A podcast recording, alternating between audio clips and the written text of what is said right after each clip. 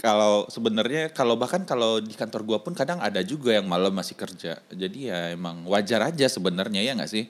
Gue gue pengen coba ngebelain ini ya. Pengen ngebelain perusahaan ini ya. Ah boleh boleh boleh. Lu, lu mau jadi komisaris ya? Iya iya.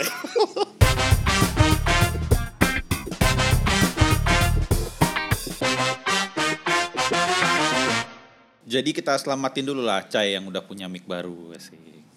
Wih, terima kasih, terima kasih. Jadi buat yang mendengarkan, sebelumnya mungkin kedengarannya kayak gue di Kutub Utara, sekarang gue tidak terlalu di Kutub Utara. Gue udah bisa jadi Raisa nih pakai mic ini. Percuma aja di Jerman, tapi suaranya butut kemarin-kemarin. Ya kan latency, Itu- Pak. Itu di Jerman ada motor brong juga ya. itu itu rumah gua anjir. Ya kalau di sini adanya ini, tau gak sih kayak bunyi ambulans. Sumpah di Jerman tuh dikit-dikit ya ada ambulans gitu. Kayak bukan ambulans sih, ambulans atau sirine pemadam kebakaran. Kayak Banyak kebakaran gitu? mungkin nggak kebakaran ya, tapi kayak hmm, emergency emergency lain gitu. Oh, iya iya iya 911 gitu ya. Heeh. Iya, iya. Cuman sebenarnya nggak apa-apa sih. I mean I understand. Kemarin kan rame tuh salah satu BUMN eh, kualifikasi menguasai bahasa pemrograman web, PHP, JavaScript, jQuery, JSON, Java, Android, Swift, iOS, anjing semuanya, sumpah. Terus Laravel juga, code code igniter juga, database-nya MySQL, Postgre, MariaDB, SQL Server, semua SQL. Terus yang gila. lebih gokil lagi adalah menguasai aplikasi editing video dan grafik Photoshop, Corel Draw, apa nih, After Effects, Adobe Premiere menjadi nilai tambah. Jadi gimana menurut Bapak Ibu anggota dewan bagaimana ini yang seperti seperti ini? Zul, duluan Zul. Eh, dari point of view gue ya, mungkin eh, maksudnya di sini tuh mau ngerekrut eh, full stack developer. Hmm. Cuman kayak eh apa ya, gue gue gak tahu apa yang dipikiran sama yang apa ngasih spesifikasinya gitu eh, ke Hmm. HR. Soalnya tugas HRD kan cuma untuk ngeposting si lowongan ini ke job portal atau LinkedIn lain- dan lain-lain gitu. Eh ya mereka nerima kayak gitu dan mereka ngelakuin screening, eh, mungkin initial interview kayak gitu-gitu kan gitu. Jadi sebenarnya kayaknya permasalahannya sendiri nggak nggak nggak cuman di HR tapi di di departemen IT-nya sendiri gitu. Berarti yang salah bukan rekruternya gitu maksud lo? Yes, yes, yes. Kemungkinan besar sih harusnya enggak ya. Harusnya bukan di, di recruiter. Tapi di Hmm. departemen si apa? Mungkin IT atau apa. Mungkin IT-nya ngerjain editing video juga kali. Menurut lu gimana, Cai? Gimana Cai? Aduh, gue ini ya kayak sebenarnya gue tuh pingin merasa iba juga sih sebenarnya. Kayak gue rasa tuh kan kadang-kadang lo sebagai gimana ya? Kalau yang ngerekrut itu adalah seorang technical leader gitu. Memang benar-benar technical leadernya yang ngasih spesifikasi. Dia bakal jelas tahu kan teknologinya apa yang dibutuhkan. Karena maksudnya dia juga yang ngedesain dan segala macam. Tapi kalau gue nggak bandingin kalau lo dari sudut pandang seorang manajer gitu gak sih? Mungkin manajernya bukan technical banget, tapi lo product manager gitu misalkan. Emang pegel gak sih? Kayak lo sebenarnya mungkin gak gitu paham gitu apa yang dibutuhin secara teknisnya. Karena that's not your job gak sih? Tapi kayak what you need to know adalah kayak oh pokoknya bisa front end. Terus kayak front apa? Ya kayak kata Zulfa tadi ya udah pokoknya semua teknologi tuh lo sebut lah front endnya apa back endnya apa full stack kayak gimana jadi ya gitulah. Cuman kalau boleh gue komentar lagi ya menurut gue nih spek-spek dewa yang kayak gini dalam hati gue merasa mungkin nggak apa-apa gitu. Karena kan kadang gue tuh suka ngelihatnya kadang-kadang pas lagi udah ketemu rekruternya nih asalkan bisa salah satunya nih itu kadang-kadang udah oke gitu. Kayak Hmm. bukan yang exactly lo butuh semua tapi lebih ke ngasih gambaran gitu nah yang jadi PR tuh adalah karena kadang-kadang tuh suka ada perusahaan-perusahaan nih yang ngasih em, requirementnya bener ngaco banget gitu misalkan kayak bisa benerin printer itu sih Ini bisa aplikasi editing video. Apa hubungannya IT programmer bisa editing video? itu nggak nggak ada nggak nggak ngerti sih Buat itu Ngerti kali banget. buat bikin apa sih namanya tuh? eh dokumentasi buat training gitu-gitu tuh. Buat klik sini, klik sini. Dulu, dulu pernah gue bikin disuruh, disuruh bikin kayak gitu di kantor sebelumnya, sebelumnya lagi. Tapi lu emang di hire untuk melakukan itu enggak kan? Enggak, gue nyuruh orang. Tapi kalau menurut gue ya, eh, lowongan ini tuh sebenarnya nggak salah.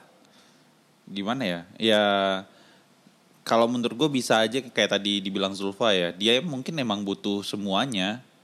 Cuman ya emang orang aja yang agak iseng menanggapi.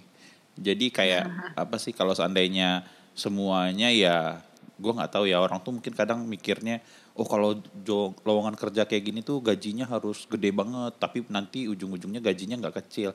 Ya ya gitu aja sih sebenarnya orang-orang pada salty aja ngeliat beginian. Tapi kalau boleh gua komentarin sebenarnya walaupun eh, lowongan kerjanya kayak gini nanti tetap akan ada yang daftar. Karena gue pernah ngomong sebelumnya itu orang akan selalu ada yang butuh pekerjaan. Jadi ya udah kita ngomel-ngomel sebenarnya ada orang yang tetap dapat kerjaan dan yang nyari kerja pun juga terpenuhi kebutuhannya. Jadi ya ya ujung-ujungnya nggak masalah juga sih. Dan gue juga rasa ini gak sih? Kayak tadi gue bilang gitu loh kayak misalkan HR-nya nih kan HR-nya kan nggak gitu ngerti gitu istilahnya ya. Let's say beneran jadi nggak gimana ya misalkan ada beberapa lima kandidat gitu posisinya padahal buat tiga gitu. Eh, let's say ternyata dari lima ini tuh nggak cukup gitu tiga karena nggak sesuai tanda petik em, si requirement itu. Ya pasti HR bakal menyesuaikan juga nggak sih setelah itu? Kayak- menyesuaikan dengan mengurangi speknya atau gimana? Iya, jadi kayak lebih kayak oh lo em, sebenarnya oh yang yang penting manajernya sebenarnya cuma penting lo bisa ngoding gitu. Nanti bakal dikurangin sendiri gitu speknya, ya gak sih? Kayak nggak Oh. mungkin gitu, nggak mungkin harga mati lah maksud gua. Ya ya ya ya. Ini cuma di atas kertas doang ya, tapi sebenarnya ya nggak harus juga gitu ya maksud lo ya. Iya, Ya, ya, ini gokil nih emang nih lowongan kerja yang BUMN ini tuh lu bisa database semuanya, terus lu harus ngerti fiber optik dan networking juga, gokil gak? Gue aja nggak, gua aja nggak masuk nih. Eh tapi gue penasaran Ada kalau Android sama Swift iOS juga loh, gue gak Iya. masuk ini. Iya, jadi makanya kan nggak ada orang yang bisa memenuhi ini sebenarnya. Eh, tapi masuk akal yang dibilang saya mungkin rekruternya nanti akan ngurangin ya.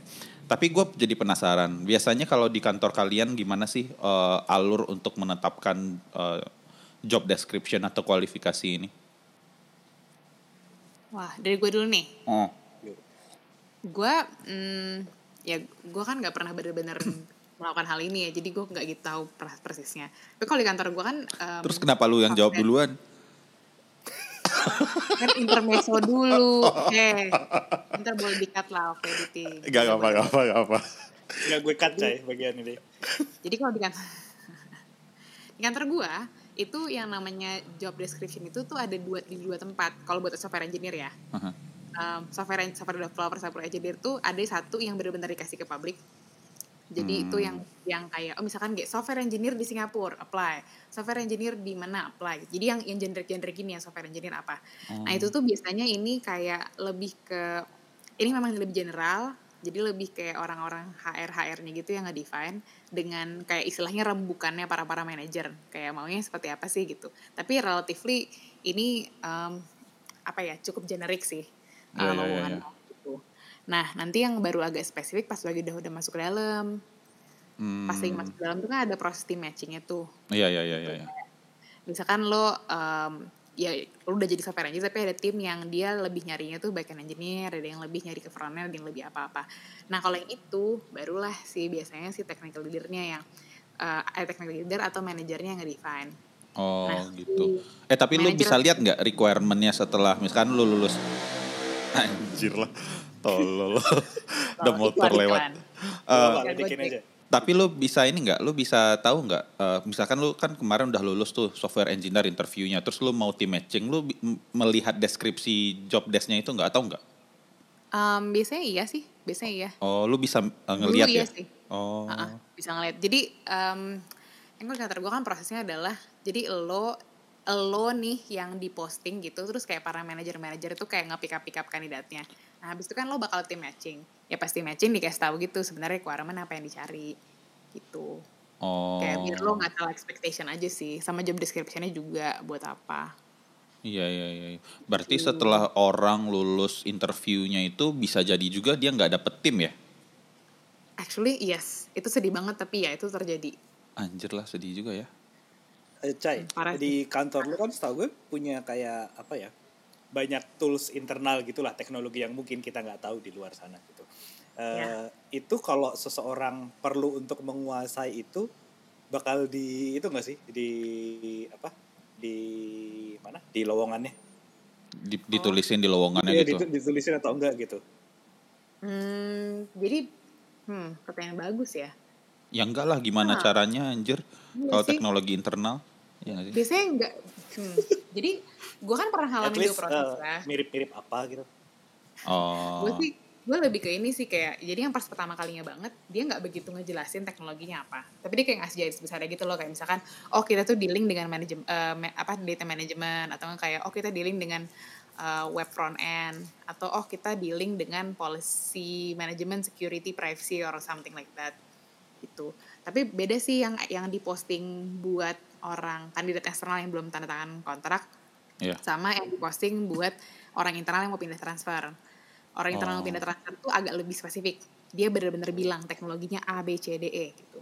Oh karena udah pada sama-sama tahu ya misalkan eh, apa pakai sistem apa gitu di Google gitu ya. Mm-mm. Hmm, ya ya ya menarik. Kesebut. Menarik juga ya. Nah, Sebut tuh namanya. Gak apa-apa kan orang udah tahu orang juga saya kerja tahu. di mana. Kalau baik-baik, yang baik-baik nggak usah kita sensor. Gak apa-apa. Iya iya. iya. Ya. Maaf ya kantor gue, HR, HR kantor gue tolong jangan su gue. Makasih. Ini podcastnya buat kebahagiaan kita semua kok. Makasih. Kalau kalau lu gimana Zul?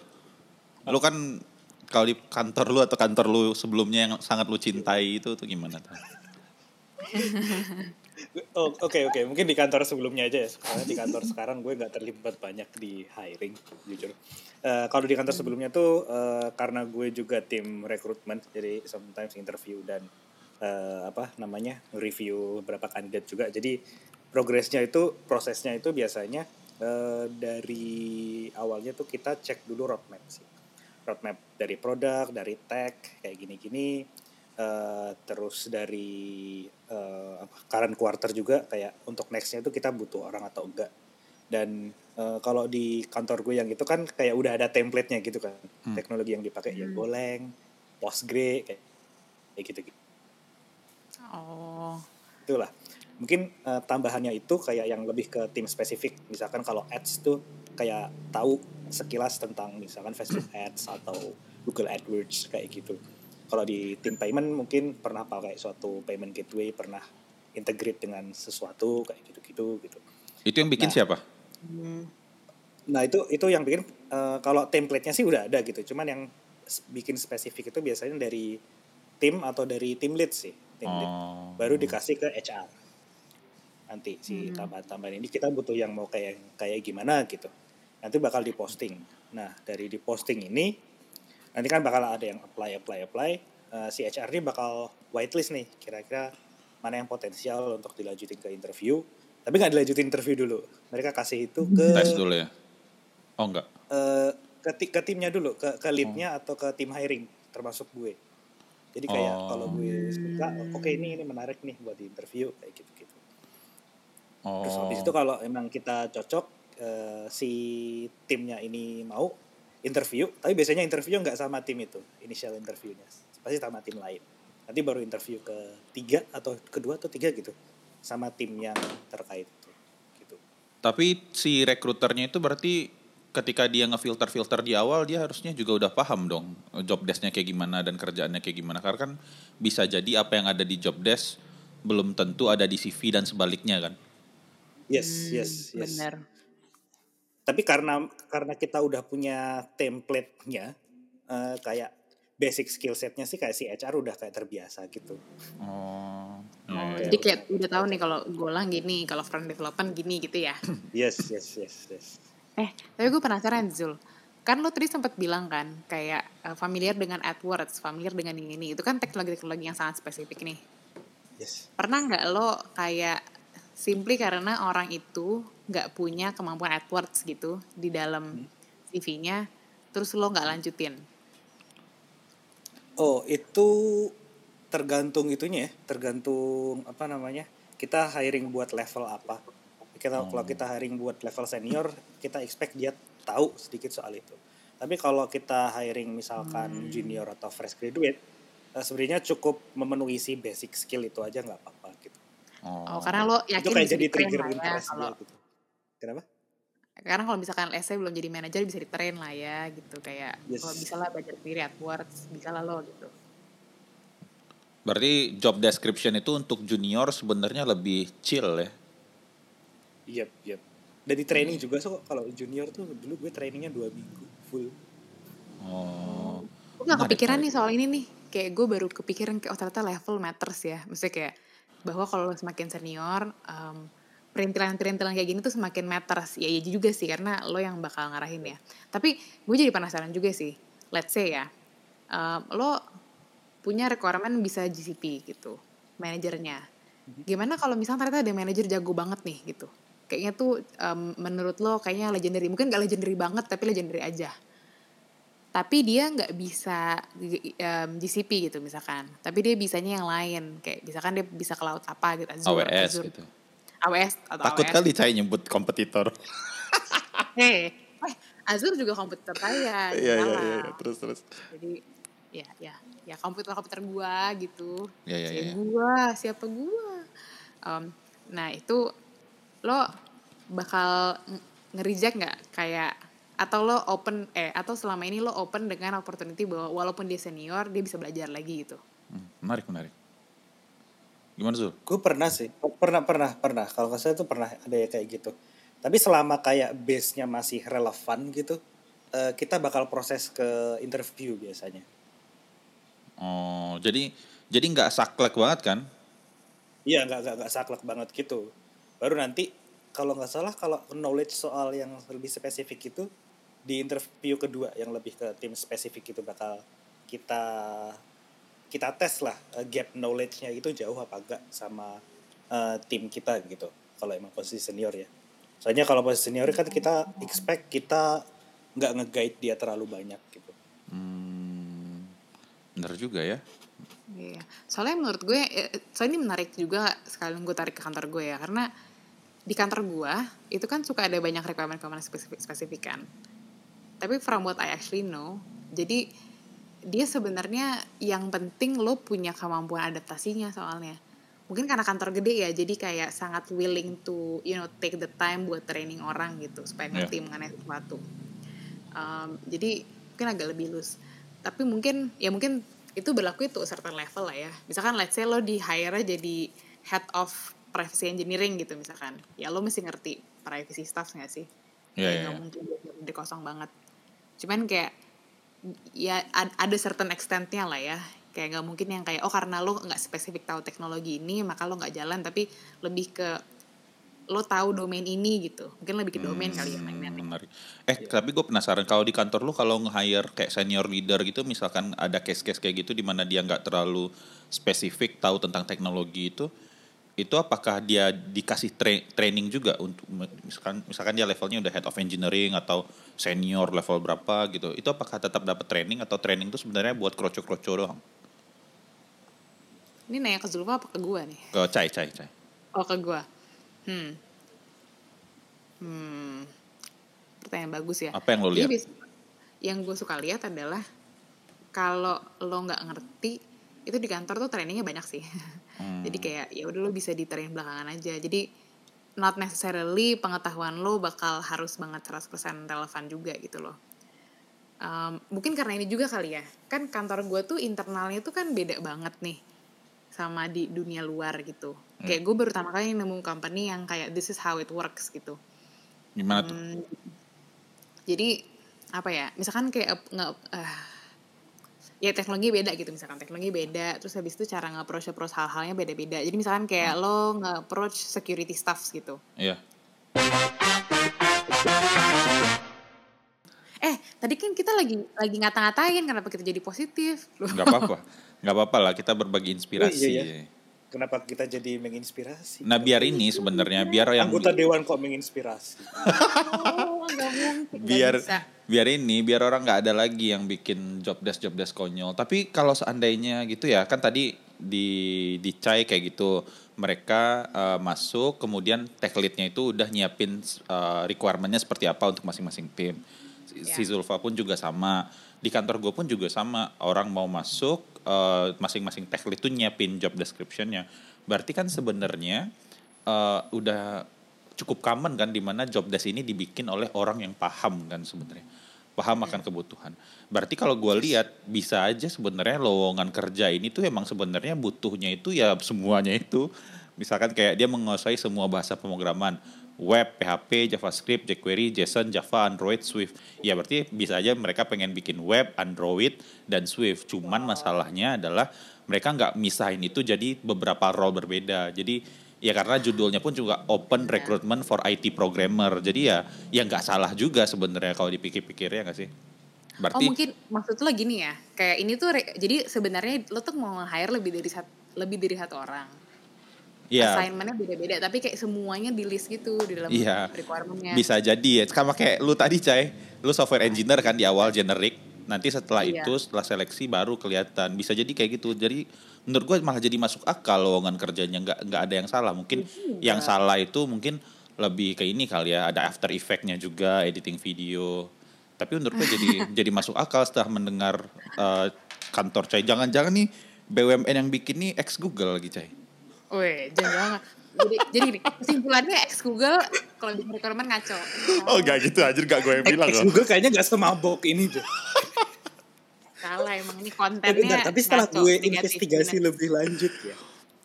Dari judulnya aja Open Recruitment for IT Programmer. Dia bilang IT Programmer loh. Bukan software engineer atau application developer atau programmer. Iya, Jadi iya. harus ada IT Programmer. IT itu kan ya editing video tuh termasuk IT mungkin. Oh. ya kan pokoknya yang nyentuh iya. komputer gitu tuh IT. Iya iya iya iya. Mungkin mungkin mungkin mungkin mungkin itu di definisi mereka. Betul betul oh, betul.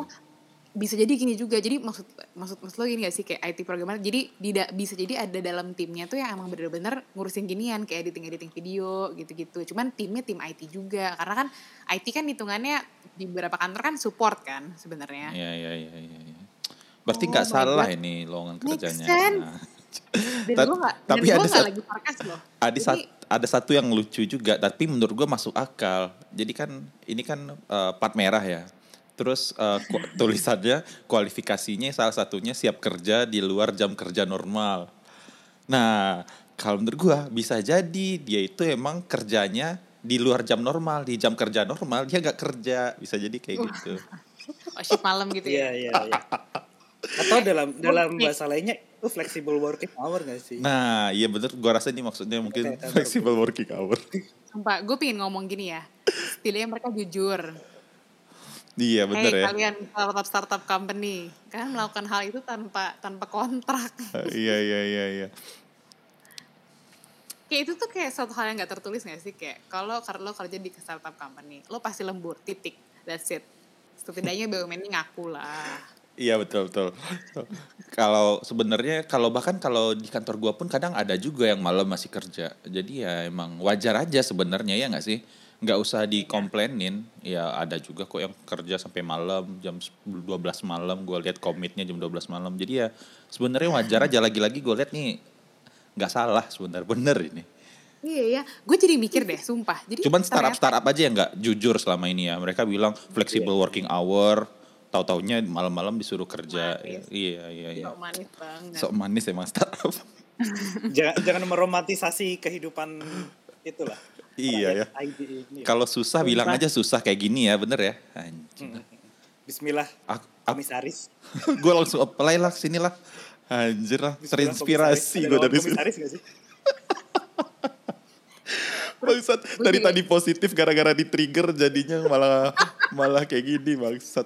Eh satu lagi. Gue lagi gue lagi pengen nyiapin dana pensiun dengan cara jadi komisaris gitu. Iya iya cocok nih berarti lo berarti kal eh, apa sih namanya jenjang karir lo dari IT programmer kemudian lo nanti loncat langsung jadi komisaris. Nah, komisaris. eh tapi ini nih menarik. Nah, di gue pengen memancing ke keributan. Cai, di sini di lowongan kerjanya yang poin terakhir nih menurut gue paling pahit, Cai. Diutamakan pria. Nah inilah gunanya gue berada dalam dewan untuk Bener, menurut, menurut lo gimana ini, Cai? Kalau menurut gue nih, eh, gue takut berkata kasar. Eh, sensor, sensor, sensor. Gak apa-apa, Sensor, Cai. Gak apa-apa, gak apa-apa. Kan nggak ada, lu belum berkata kasar apa yang mau disensor.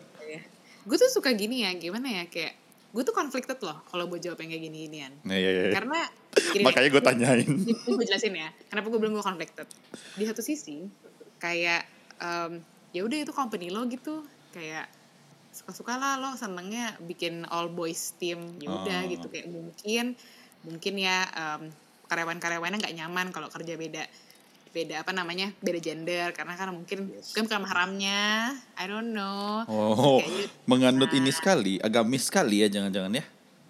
Nah, kan sering kayak gitu kan, kayak wah memang memang nggak nyaman terus kayak nah gitu. Cuman jadi ya udah oke oke it's your company. Cuman menurut gue sih kalau misalkan levelnya BUMN ya, nah itu yang membuat gue jadi agak kurang pantas. Kalau misalkan perusahaan-perusahaan swasta gitu gue kayak oke it's your company, tapi ini kan BUMN gitu loh ini punya negara kan. Negara tuh kan harusnya melindungi semua coy. Melindungi segenap bangsa dan tanah air. Ya, dan ketika gue bilang melindungi nih, jadi kan perempuan tuh juga butuh duit kan istilahnya gitu. Kayak Juga nggak semua butuh perempuan- pekerjaan lah ya. butuh pekerjaan. Gak semua perempuan itu tuh em, ada suaminya yang uangnya berlimpah ruah gitu loh, enggak gitu. Kayak juga dia banyak yang butuh mensupport keluarganya. Ya berarti butuh pekerja butuh duit juga gak sih? Kayak Iya, terus iya. kayak apakah terus habis itu ntar mungkin di counter gini, tapi kan ini pekerjaan IT, pekerjaan laki banget kayak hmm, ya Emang enggak iya? juga dong. Enggak? Emang iya gitu, enggak juga maksudnya ini tuh justru ini pekerjaan yang perempuan banget heh gitu. Perempuan disuruhnya diam, tidak keluar rumah, itu dia IT, kerjaan di rumah. itu pekerjaan wanita sekali. If you realize it, come on kayak udah lah ya. Jadi kayak ini tuh pekerjaan perempuan banget, sumpah. Kalau lu mau pakai segala stereotip um, gender, ini udah paling perempuan. Anjing gue tercerahkan malam ini sumpah. Anak. Gue gue gue pengen coba ngebelain ini ya. Pengen ngebelain perusahaan ini ya. Ah boleh boleh boleh. Lu, lu mau Ya, jadi komisaris ya? Iya iya. Itulah komisaris. gue gue gue coba belain Eh, di sini kan dari nama perusahaannya kayak kayaknya ada nama kotanya gitu ya gue gue expect itu tempat perusahaan ini berada gitu mungkin kenapa diutamakan pria mungkin ada hubungannya juga sama demografi di eh, di, di tempat itu gitu. Mungkin prianya kekurangan pekerjaan atau karena yang di situ angkatan kerja wanitanya sudah banyak yang dapat kerjaan jadi prianya masih belum kayak gitu-gitu tuh. Kita harus mempertimbangkan faktor itu juga loh. Tapi gue belum ada datanya sih. Nanti kita tinjau lebih Gak apa-apa emang anggota dewan tuh kalau ngomong emang gak pernah pakai data jadi santai aja. iya santai ya aja. yang penting komisaris aja data di kepalaku saja gitu gitulah tapi udahlah sumpah kalau ngomongin yang kayak eh, gender-gender gini tuh wah kita bisa bikin lima lima seri podcast sendiri Bisa ribut ya. Nah. Anjir lah sumpah.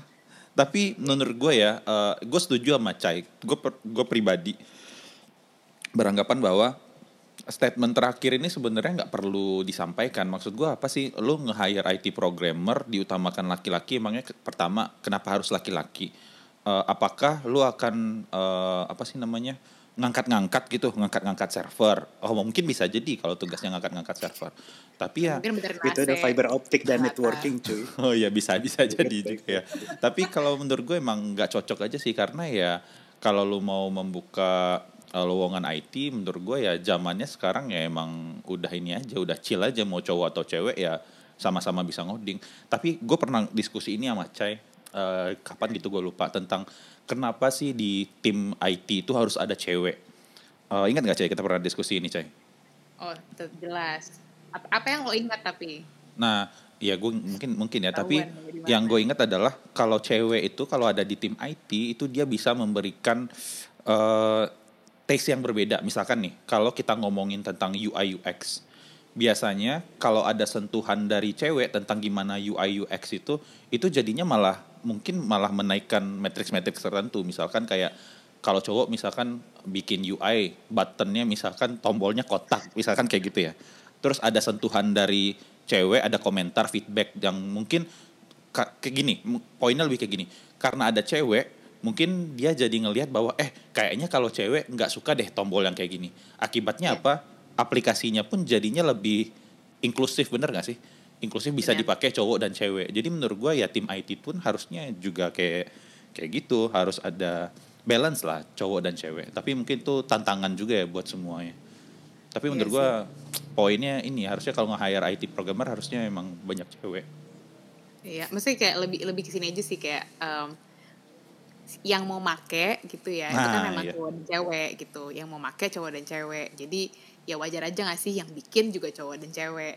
gitu loh Iya, iya, kayak let's say gini lo let's say lo bikin program yang memang kayak oh ini memang buat cowok aja gitu target audience ya mungkin gue nggak akan terlalu mikirin ya oh kenapa sih nggak ada perempuannya di tim itu ya memang karena kan dari laki-laki untuk laki-laki gitu lah istilahnya tapi kan Aplikasi apa tuh Kebanyakan- yang untuk laki-laki doang, Zul? hmm, apa ya Bisa jadi loh. Ini kan kayak kayak apa ya?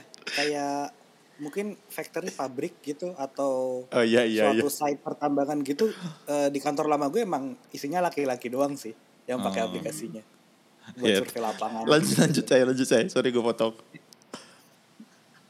ya apa ya, ya gitu ya maksudnya kayak ya ya, ya udah gitu kayak Iya iya. di iya. company ini